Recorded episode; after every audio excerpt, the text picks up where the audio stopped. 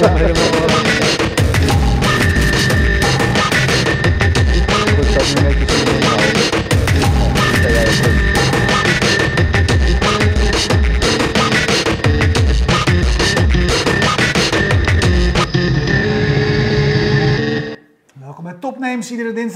Vanuit Freedom Lab in Amsterdam. De gast is Sami Andari. Je bent van Crescent Tech, zeg ik dat goed zo? Ja, klopt. Ik begin dat een beetje te twijfelen als ik zo'n eh, eh, dit typische Engelse, Engelse woord zie. Wat doen jullie?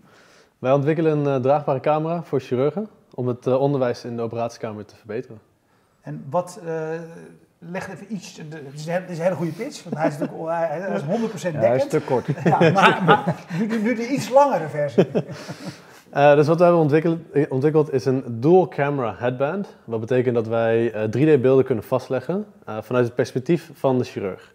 Op deze manier kan je het unieke beeld van de chirurg en de praktische kennis die die persoon heeft delen met assistentes, met collega's, met studenten. Om zodoende de praktische kennis die heel lastig te delen is, omdat natuurlijk de chirurg de enige persoon is die ziet wat de chirurg doet, Ja. te kunnen delen via beeld eigenlijk. Waarom zijn jullie dat gaan doen? We zijn het gaan doen om eh, meerdere redenen. Eh, de grootste reden eigenlijk is dat het een unieke samenkomst is van een technologie wat komt uit mijn afstudeerproject van de TU Delft. Eh, en een behoefte die ik heb gemerkt na een eh, relatief intensieve onderzoek eh, in de markt. Waar deze technologie echt eh, toegepast kan worden. Dan eerst even naar die technologie. Waar, waar ben jij op afgestudeerd? Eh, ik ben afges- afgestudeerd op een, op een toekomstvisie eigenlijk. Dus een concept, concept eh, voor een, in 2025. Hoe wij op een alternatieve manier kunnen com- communiceren. Dus eigenlijk, eh, de Engelse term is eh, telecommunication in 2025. Eh, dat eh, was een concept, eigenlijk een heel platform, waarbij, ik heb waar- waarbij mijn focus was op het vastleggen en delen van momenten. Want uiteindelijk de, de reden waarom de meeste mensen rondlopen met dit apparaat, zeker als het op vakantie is, op, op verjaardagen, is om het vast te leggen. Momenten te kunnen vastdelen zodat ze niet hoeven te vergeten. Alleen het bijkomende effect is dat eh, je het moment ervaart door je scherm, in plaats van dat je het ervaart in het moment. Ja. Dus heb ik een eh, draagbare camera ontwikkeld, eh, relatief simpel, eh, die het moment kan vastleggen vanuit jouw perspectief. Dit was mijn afstudeeropdracht. Daar heb ik een kleine subsidie voor gekregen om een demons- demonstrator unit van te maken. Die gepresenteerd op de Dutch Design Week. En daar zoveel positieve reacties op gekregen eh, dat ik eh, echt dacht van ja, dit moet er komen. Oké, nu ga ik even advocaat van de duivel eh, spelen. Dat is nou eenmaal mijn, eh, mijn eh, rol. Eh, Iemand moet het doen. weet je wat, want je het is allemaal een mooi verhaal. Eh, maar 3D-cameratechnologie is niks nieuws. Dat bestaat inmiddels een jaar of vijf, zes al. Nee, Eh, 100. 100, eh, 100. eh, 100 nog wat Weet jaar. ik veel, maar dat ook simpel is met twee camera's. Ja. En weet je, dan kun je met een bril op, kun je terugkijken en dan zie je het prachtig in 3D. Ja. Nou, jij stopt dat in een, in een headband die iemand op zijn kop kan zetten met twee cameraatjes. En dat ding neemt op en eh, dan heb je dat beeld. Wat is daar nou eigenlijk, wat is er nou echt nieuw aan? Het unieke ervan is eigenlijk de vormfactor. Dus je hebt het in allemaal verschillende vormen en maten, maar de manier om dat te schieten vanuit het perspectief van de chirurg is extreem moeilijk. Je wilt heel dicht bij de ogen zitten van de chirurg. Ja, nou, dat betekent gewoon zo'n ding hier. Exact, Ja. exact. Ja. En vervolgens wil je dat natuurlijk op een hele simpele manier ook kunnen delen met de studenten. En dan wil je niet dat de chirurg achter een computer gaat zitten, dan die beelden gaat samenvoegen, dan daar in postproductie als het ware weken, wat nu het geval is, eh, in vastzitten. En daarin willen wij natuurlijk het hardware-software spel spelen. Dus wij willen met de hardware de positie in de operatiekamer kunnen krijgen. Maar vervolgens is dat natuurlijk niet het enige wat we gaan doen. Met software gaan we ervoor zorgen dat de chirurg daarna niet de SD-kaartjes uit die camera hoeft te plukken, dan in de computer stoppen en dan daar. eh, Maar dan is eigenlijk de, de innovatie die jij toevoegt aan bestaande 3D-cameratechnologie zijn twee dingen. Eén, dat je zo bijna point of view eh, van de chirurg zit. Ja. Twee, dat je een softwareplatform neerzet dat die educatie waar je het over hebt faciliteert. Klopt. Ja. Oké, dan heb ik het in ieder geval begrepen. Nou ja, dat is al een winst, Ja, van, dat is de- al heel dat is al wat. winst van deze uitzending, toch? Hey, wat, wat, ik me afvraag, je zei net, hè, want ik had eerst dat concept eh, ontwikkeld, lange termijnvisie ontwikkeld. Mhm. Met die lange termijnvisie eh, had je allerlei dingen kunnen gaan doen. Je had, het ook, je had ook eh, vakantievideo's kunnen gaan, vakantieopnames kunnen gaan vastleggen, et cetera. Eh, tussen welke andere mogelijkheden heb je onderzocht en waarom ben je bij deze uitgekomen? Voordat je antwoord geeft, moet ik opeens denken aan al vijf, zes jaar geleden kwam er zo'n ding op de markt. Dat was een cameraatje, dat kon je op je reverse spelen. En die maakte elke 10 seconden een foto. En die kon je dan, daarna kon je downloaden en dan kon je de hele dag zo documenteren. Dat vond ik ook zo'n, lijkt een beetje, nou ja, nee, het lijkt er niet op, maar het had hetzelfde idee. uitgangspunt. Hè? Ja, zo ja. van documenteer je leven zonder dat je het zelf in de gaten, of weet je wel, vanuit je point of view. Maar geef even antwoord. eh. Nee, het gaat, het gaat heel erg om, om daarvoor te bouwen. Het gaat heel erg om het vanuit jouw perspectief kunnen delen. Zonder dat de interactie je daar uithaalt, Precies. als het ware. En daar ben ik helemaal voor. Dus ik vind het ontzettend gaaf om die ontwikkelingen te zien. Eh, en daar hebben we heel erg over nagedacht. We gaan de consumentenmarkt in. Eh, we gaan eh, concurreren met GoPro, bij wijze van spreken, met actioncamera's. Maar wij pakken dan echt uit het unieke beeld van, de, van, van jou, als het ware, als gebruiker. Ehm, maar het, het lastige van de consumentenmarkt is dat het ontzettend lastig is om je focus te zetten. Dus ga je dan op de atleten focussen of ga je dan op eh, de, de vakantiegangers, de hikers of de zwemmer? En eh, uiteindelijk was, eh, zoals ik al zei, het was deels techniek en deels markt. Tijdens de Dutch Design Week heb ik gepresenteerd aan letterlijk honderden mensen, honderden gesprekken gekregen.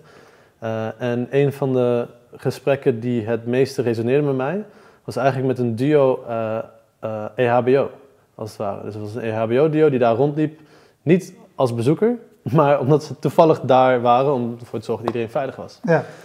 En eh, nou, die begonnen mij helemaal te overtuigen over hoe geweldig dat apparaat is. Dat zij dat apparaat kunnen opzetten en dat ze ten alle tijde verbinding kunnen hebben met het ziekenhuis. Dus op het moment dat er een ongeval is, kan het zieken- ziekenhuis vragen voor advies. Oké, dit is de situatie, ik ken de basics, maar ik ken toevallig deze symptomen ken ik niet. Nou, daarbij kan het apparaat natuurlijk helpen. Verder kan het apparaat helpen met het ziekenhuis alvast voorbereiden met wat er daar aan de hand is. En zo kan heel veel tijd, heel veel geld en eh, hopelijk ook levens bespaard worden die eh, anders eh, niet zouden. De grote kracht daarvan, als ik erover nadenk, is... Mhm. We hebben natuurlijk... we waren ook bij dat Google Glass kwam, et cetera. En als je naar de Google Glass-achtige dingen kijkt, is... De meest waardevolle toepassingen zitten eigenlijk in business-to-business toepassingen. Want die andere, daar zit een rem in, want wij moeten dat ding gaan opzetten. Ja. En, dat, en dat zit ons in de weg. Hè? Ja. Dus als hier nu iemand het eh, het ding van jullie opzet, dan doet hij dat met een doel. Want Mhm. hij weet, het doel is nu die kennis van mij overdragen naar iemand anders. Exact. En als wij als publiek, zeg maar, als het publiek, publiekstoepassing wordt, dan moet ik op straat gaan lopen met iets wat men niet gewend is. Dus daar zit een Ja. hele grote barrière. Is dat ook een belangrijke reden voor jullie om te kiezen voor deze, voor deze insteek? Zeker, zeker. Ik, eh, in, in het afstudeerproject natuurlijk eh, is dit meegenomen. Het, eh, de sociale, dat noem je eigenlijk een social contract, dat wij het onderling hebben. Ik ga hier niet rondlopen in een gigantische pruik die niet door de deuren past, bij wijze van spreken, want daar gaat alle aandacht naartoe. Ik, ik, je, je kleedt je op een bepaalde manier, je, je, je zit op een bepaalde manier. eh, en dat zijn allemaal social contracts die we onderling hebben. Ehm, en op het moment dat ik met een camera eh, zoals dit rond zou lopen, constant. En ook al zeg ik, hij staat niet aan, eh, communiceer ik wel iets naar jullie. Van, ik, ik ben jullie aan het filmen. Ehm, of ik kan jullie mogelijk filmen. En dit is een uitdaging die Google Glass heeft geprobeerd aan te gaan. Door het bijvoorbeeld in een bril te zetten of in een andere manier te zetten. Ehm, maar het geeft een bepaalde message naar de mensen om, om, om, eh, om de gebruiker heen, wat niet per se positief is. Ja. En dat is in het eh afstudeerproject, is dat eh, in ieder geval, is daar een voorstel voor gedaan hoe we dat kunnen oplossen. Hoe het wel sociaal ge- geaccepteerd kan zijn om technologie op het hoofd te dragen, als het ware. En, Maar je hebt het Nou, maar toch goed, in, in, in een onderwijsomgeving is het zo logisch als wat. Maar ik, Ja. eh, eh, want dan weet iedereen wat het doel is. Ja. Eh, voor zo'n EHBO'er, het voorbeeld wat je net noemt, snapt denk ik ook iedereen dat. Ja. Als je het uitlegt, van, nou, dat is niet om het op, live op Facebook te streamen, maar dat gaat naar het ziekenhuis, weet je. Dat, dat, eh, eh, de, de andere kant, eh, jij hebt het over eh, een, een sociaal contract, zie ik dat het ook vol- volstrekt normaal is dat als je eh, in de Alpen gaat skiën, dat de, de helft van de mensen heeft een GoPro op hun helm eh, eh, geplakt. Eh, dus weet je, die grens is natuurlijk enorm aan het schuiven. En daarom dus 2025. Dit was Ja. meegenomen in het hele concept. Eh, en Dus, dus heeft, uiteindelijk is dat ook jullie ambitie. Het heeft heel je, veel- je het begint nu in een, in, in een, nou, laat ik zeggen, medische omgeving, waarbij, Professionele omgeving. waarbij het Ja. doel heel duidelijk is, maar jullie ambitie is natuurlijk veel groter. Nou, het was, het, het was, de, eh, het was het, eh, de basis vanuit mijn afstudeeropdracht. Daaruit eh, heb ik een toekomstvisie neergezet en daar heb ik één interactie uitgehaald. En dat was het momenten vastleggen en delen. En mijn visie is veel groter dan alleen maar dat, Ja. die ene interactiemoment. En die is constant aan het veranderen. Dus elk, elk jaar zijn, is er een nieuwe technologie wat uitkomt. De maatschappij verandert natuurlijk ook met, met technologie mee. En eh, het bedrijf is een volledig apart traject, als het ware. Dus wat we nu doen voor de medische, ehm, voor de medische tak, dus eh, voornamelijk we focussen op onderwijs, maar we willen uiteindelijk ook zeker gaan naar daadwerkelijke zorg. Ehm, dus dit apparaat kan, zoals ik al aangaf, bij de ambulancepersoneel gebruikt kunnen worden. Ehm, daarin zie ik een heel ander traject lopen. En natuurlijk, mijn persoonlijke visie is, is, ja, iets, iets heel nieuws ontwikkelen. Een hele nieuwe platform als het ware voor, voor dit soort connected devices. Eh, maar dit, dat staat eigenlijk los van het bedrijf. Ja, Voor, nou, eh, even, even dan naar het eh, bedrijf. Ehm, dat ding is er nog niet. Je kunt je inschrijven. Er zijn denk ik prototypes. Waar, Mhm. waar, waar, waar staan jullie?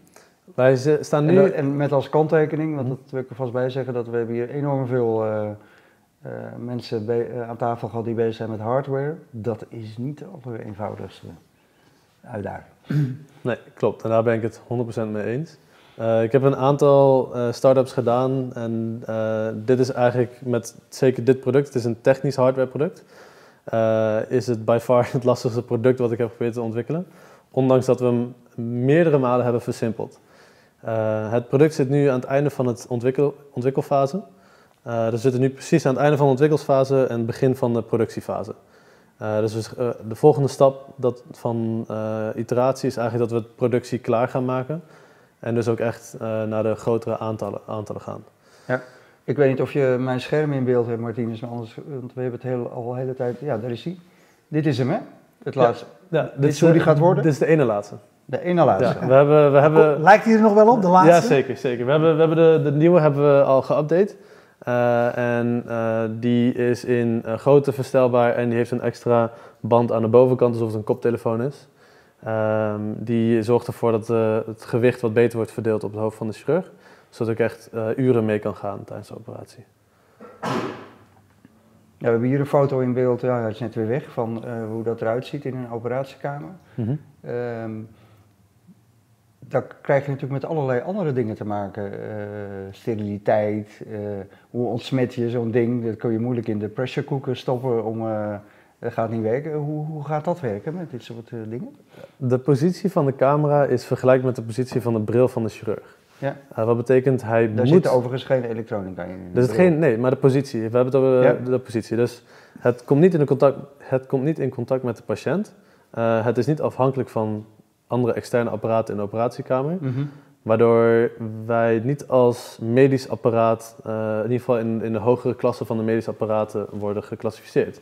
Ja. Eh, dus het is een medisch hulpmiddel, eh, waardoor wij als het ware als een ehm, normaal elektronisch apparaat gebruikt kunnen worden in de operatiekamer.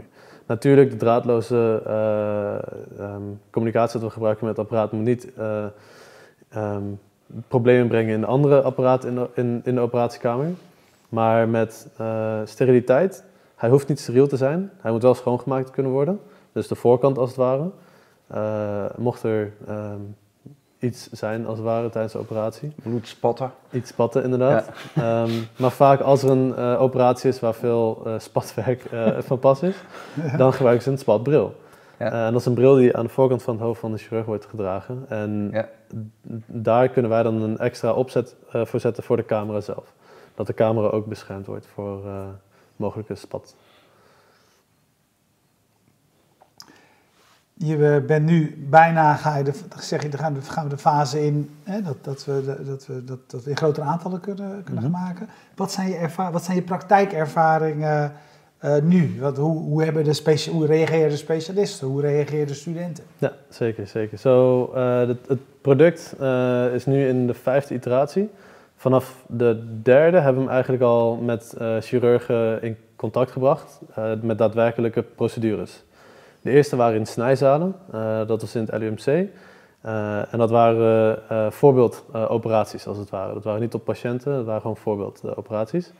Daar hebben we een aantal van gedaan. Eh, daarvan hebben we heel veel feedback ontvangen. Want het apparaat was natuurlijk eh, nou, niet waardeloos, maar heel erg niet goed. Eh, dus heel veel punten ter verbetering. maar ze zagen wel degelijk de voordelen van zo'n apparaat in.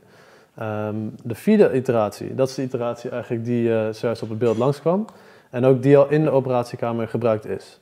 Dus dit is, dit is een camera die al door chirurgen, meerdere chirurgen, is gebruikt tijdens live operaties. Eh, ik heb hier ook een voorbeeld van eh, die we zo meteen kunnen zien, mochten jullie willen. Eh, en daarin hebben we een hele mooie validatieslag kunnen doen, waarin we echt de laatste probleempjes als het ware van de camera eruit konden halen. En dit zijn eigenlijk allemaal interacties tussen de chirurg, het apparaat en dan de assistent die het apparaat dan bestuurt. Want, zoals je al goed aangaf, de chirurg mag niet het apparaat besturen. Die kan niet hier met Ja. de bebloede, bebloede, bebloede vingers... eh, Ja, wat, wat ik ook een interessante functionaliteit vond, is dat inderdaad eh, je real-time audio erin kunt koppelen. Dus je kunt in theorie ook met een oordopje gaan opereren en iemand kan aan de andere kant van de wereld meekijken en jou instructies in je oor geven. Hè? Zo, dat is uiteindelijk het idee. Ja, dat is met de uiteindelijk volgende, het idee. Ja, dus met deze huidige hebben we dat niet ge- getest. Want onze focus zit nu op het juiste beeld vastleggen. Ja. Dat is het Wat is allerbelangrijkste. daar dan zo ingewikkeld aan? Nou, je, je hebt een chirurg die natuurlijk allereerst best wel relatief veel beweegt ehm, tijdens de operatie. En je hebt een heel klein gebied wat interessant is. Ja. Eh, dus over het algemeen, onze huidige concurrent zijn natuurlijk action camera's. Ja. Die worden op het hoofd van de chirurg gedragen, zoals je zei, skiers doen het ook. Ja. Dus die chirurg neemt het mee in de operatiekamer en filmt het daarmee.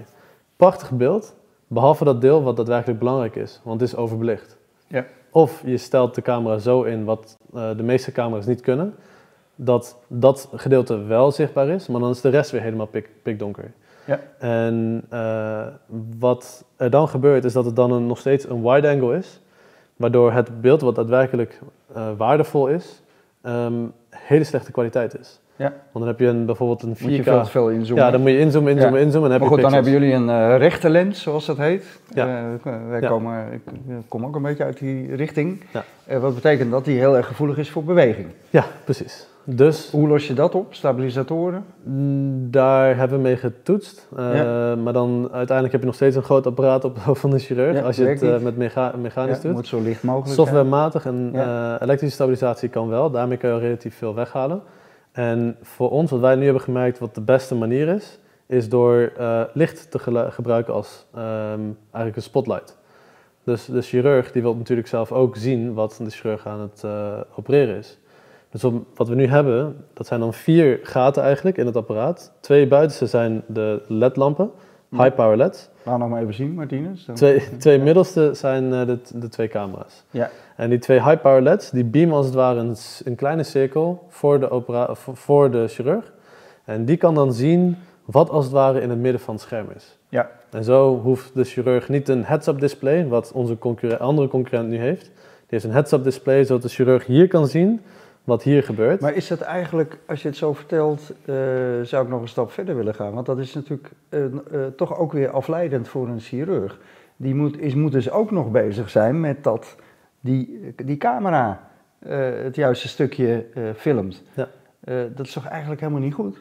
Nou, dat is dus precies wat wij oplossen, wat onze concurrenten niet doen. Wij zorgen ervoor dat de chirurg op een hele intuïtieve manier precies ja, maar vastlegt. hij- omdat hij ziet, maar hij moet nog steeds daar rekening mee houden. Kun je niet de, de, de operatielampstuk, eh, kun je niet automatisch dat doen? De- die in het apparaat zit of die extern? eh, Nee, de externe lamp, dat is Die heeft dat nu. Die heeft dat nu. Die heeft een, eh, die heeft een camera in de handvat als het ware van de lamp. Ja, En dan, het probleem is dan dat je de hoek niet altijd optimaal hebt. ja. Eh, want het kan nog wel eens veranderen. Dan gebruik je een andere lamp of dan gebruik je de, dezelfde lamp, moet je die weer verplaatsen. Ehm, en in het ergste geval, dat gebeurt bijna altijd, is dat het hoofd van de chirurg ervoor komt. Of de hand van de assistent komt ervoor. Ja. En die lamp is natuurlijk ontzettend breed, omdat het geen schaduw wilt eh, creëren op het moment dat er een hand hier zit. Maar die camera is natuurlijk maar heel klein. En de chirurg, doordat wij op de positie van de ogen zitten, ja, die gaat natuurlijk niet zijn eigen hand voor, eh, voor het operatiegebied zetten. Hey, tot zover eh, eh, al de theorie. En dan moet je een apparaat gaan ontwikkelen en dat kost bakken met geld. Ja. Jullie zitten op een universiteit. Hoe, hoe ben je dat gaan doen? Zoals ik al aangaf in het begin hebben we een eh, kleine subsidie gekregen Ja. om een demonstrator te maken. Die noemen je een kleine subsidie. Dus Ja, dat, dat- dat, dat was 6000 euro. Dus precies, dat is, kan je niks van doen. Daar kun je niet Nee, veel mee doen. Daar kan je niet heel veel mee doen. Dat is een hele mooie prototype. Eh, daarna was het eh, heel erg eh, snel eigenlijk taak aan ons om een kleine som geld bij elkaar te vinden. Eh, dat hebben we eerst gedaan door een, eh, een project te doen voor een klant. Dus echt bootstrappen op de classic manier. Eh, deze klant was Red Bull, of, of all people. En die heeft onze eerste prototype als het ware gefund voor een project wat zij hadden gedaan met de Amsterdam Dance Event.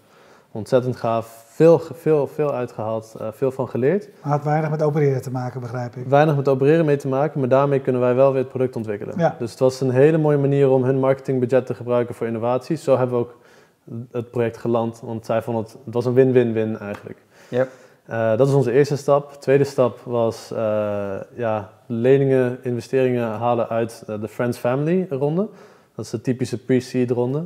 Eh, dat hebben we gehaald van een chirurg, een uh, tropenarts die momenteel actief is in Tanzania en Kenia. Eh, die, vond, die heeft het apparaat zo hard nodig dat hij, ons, eh, dat hij in ons heeft geïnvesteerd om het apparaat sneller eh, te ontvangen. Mhm. Uh, en uh, vanuit familie heb ik uh, een klein beetje kapitaal kunnen krijgen. En afgelopen jaar hebben we een extra subsidieronde binnengehaald, waardoor we nog een extra iteratieslag kunnen doen. Ja. En we zijn nu weer bezig met een nieuwe subsidieronde. Ja, want dan gaan, kun je een indicatie geven van hoeveel geld er in het, het ontwikkelen van zo'n stuk hardware gaat zitten. je hebt het snel over vele, vele tonnen, zo niet miljoenen, toch? Als je het hebt over in-kind, ja. Ja. ja. Dan heb je het zeker over meerdere tonnen en dan ga je al dicht tegen de miljoen aanzitten. Ja. Uh, en dat komt eigenlijk doordat het team, van eigenlijk het team wat hierachter zit, zoveel toffe mensen zaten, zitten erachter die zoveel tijd hebben gegeven, maar dat niet hebben gefactureerd als het ware. Omdat het gewoon een project is wat uh, een heel mooi verhaal heeft, wat daadwerkelijk impact kan hebben op society. Ik bedoel, het is geen uh, pizza delivery app bij wijze van spreken. Uh, het, het, kan, heeft de potentie om echt mensen hun levens te redden. Zeker als jij chirurgen kan gaan verbinden met elkaar. Dat Ja. zij live cases kunnen bespreken in plaats van achteraf. Precies. eh, en maak dat dan nog eens heel concreet met het voorbeeld van eh, die tropenarts waar je het Mhm. over hebt. Ik, ik ken er toevallig ook een, maar Ja. ik stel me voor dat iemand in Tanzania staat te opereren, een algemeen opgeleid chirurg is, een specifieke case heeft en dan iemand in Nederland of waar, waar dan ook ter wereld kan inbellen op zijn Ja. oor en zeggen kijk even mee. Ja, ja, een- Ja, om- zie ik dat goed? Nou, dat, dat, dat, is- dat in, in zijn geval heel toevallig niet, want hij is heel gefocust op onderwijs. Ja. Dus hij is juist een hele specifieke chirurg die de lokale chirurgen opleidt om deze ingreep te doen. Oké. Dit is een ingreep wat heel specifiek is voor de anatomie van de mensen in die regio. Ja. Eh, waardoor het eh, ontwikkeld is daar lokaal, maar dus niet wordt zeg maar, geleerd aan chirurgie hier in het Westen. Ja. Ehm, waardoor het materiaal wat online beschikbaar is, weer niet geschikt is voor hen. Ja. En dat is natuurlijk weer een probleem. En om, ik wou nog even een, een getal plakken aan wat je zojuist zei. Hier in Nederland heb je één chirurg voor ongeveer elke 15 tot 1600 eh, mensen. Vergelijkbare plek in Afrika is één chirurg per 140.000. Dus moet je je voorstellen wat voor, zeg maar, hoe, hoeveel verschillende operaties die ene chirurg moet gaan uitvoeren. En zo'n toepassing zou natuurlijk uniek, uniek geschikt zijn voor die persoon. Om dan de kennis in de westerse wereld te verbinden in, eh, in de low-income countries. Ja. Hey, de, de, eh, je, je bent ehm, eerst via vrienden, familie eh, en fools, zeg maar, hè, dat geld aan... Ik wil ze niet fools noemen, want ja, en ik hou van ze. Nee, en dat geld aan het ophalen. Ja. Eh, maar hey, jullie hebben een, een- natuurlijk een plan gemaakt van eh, A, wat is er voor nodig, maar B ook, hoe kunnen we hier een, een, een, een goed lopend bedrijf, althans een bedrijf van maken wat kan groeien en et cetera. Ja. Eh, hoe onderzoek je zo'n markt en hoe bepaal je dan de prijs voor het product? En, in, in andere gevallen kan ik me dat eigenlijk makkelijker voorstellen. Zeker. We, zit, we zitten in een markt waar de gebruiker een andere persoon is dan de persoon die ervoor betaalt. En weer een andere persoon is eh, dan degene die er baat bij heeft. En het, het korte antwoord eigenlijk is trial and error. Ehm, doordat je in een beginfase zit, kan je heel makkelijk schakelen, kan je heel makkelijk eh, wisselen van, van track. En je stelt persoon A stel je iets voor, persoon B stel je weer iets nieuws voor. En zo ga je steeds verder, op basis van hun reacties, ga je Ja. steeds verder zoeken, steeds verder vragen. En ja, wat, wat wij natuurlijk doen, we werken samen met verschillende eh, academische universiteiten hier in Nederland en in het buitenland. Blijven vragen. Wij, wij, wij zijn engineers, wij kunnen precies het product en het probleem oplossen wat zij nodig hebben. En dus we hebben elkaar nodig. Zij, zij weten hoe een academisch ziekenhuis werkt. Zij weten waar het budget vandaan moet komen om eh, dit soort apparaten te financieren. Ja. En ik had nog een praktisch vraagje. Toen je, toen je net, eh, net zei, zei van zeg maar, de, de, assistent bedient eh, een en ander. Hoe moet ik, hoe moet ik dat voor me zien? Eh, eh, de- wat ik, ja, als, als je, als je de, zeg maar, de bril, het, het apparaat ziet, dan zie je twee van die lensachtige dingen. Zijn, die zijn ook instelbaar op afstand. Gaat het zo? Is het, is het iemand die met een... wat, wat is de bediening? Waar bestaat die uit? De bediening is puur lichten aan, uit, sterkte veranderen en de camera aan en uitzetten. Ja, ja. Eh, want niet alles hoeft gefilmd te worden. Zeker niet het begin, het voorbereiden is vaak niet het, belangrijkste. Dan is de chirurg ook vaak aan het wachten. Ehm, en er zijn een aantal cruciale momenten tijdens de operatie die echt vastgelegd moeten worden. Dus ook bijvoorbeeld tussentijds foto's maken, ehm, maar ook het data überhaupt managen. Dat wordt op het, ehm, op het scherm gedaan. En het scherm zit in, het, eh, in de opslagdoos van, het, van de camera. Dus het hele systeem werkt als een plug-and-play systeem. Echt open doen. Ja, je hebt echt een, eh, een box als het ware waar de camera in zit. De box breng je naar de operatiekamer, zet je op tafel. Open je, je haalt de camera eruit, gaat op het hoofd van de chirurg. En de box wordt eh, ingepucht in een eh, ja, normaal stopcontact. Vervolgens, dat apparaat creëert een wireless network in de operatiekamer. Daar verbinden ze mee. Zodat het ook een secure network is waar niet een andere persoon bij kan komen. En dan heb je de box waar een scherm op zit. Dat kan door de assistent eh, bestuurd worden. En wat natuurlijk ook in een later stadium kan, is dat het met behulp van voice control of gesture control geactiveerd kan worden. Zodat de assistent niet meer nodig is en de assistent de tijd kan stoppen in daadwerkelijk de operatie zelf. Ja. Ja. Mijn laatste vraag, en dat is eigenlijk dezelfde als de een van de beginvragen. Mhm. Eh, hoe meer je erover vertelt, eh, ik vind het een fantastisch initiatief, maar ik zie het ook helemaal voor me. Laat ik dat even voorop stellen.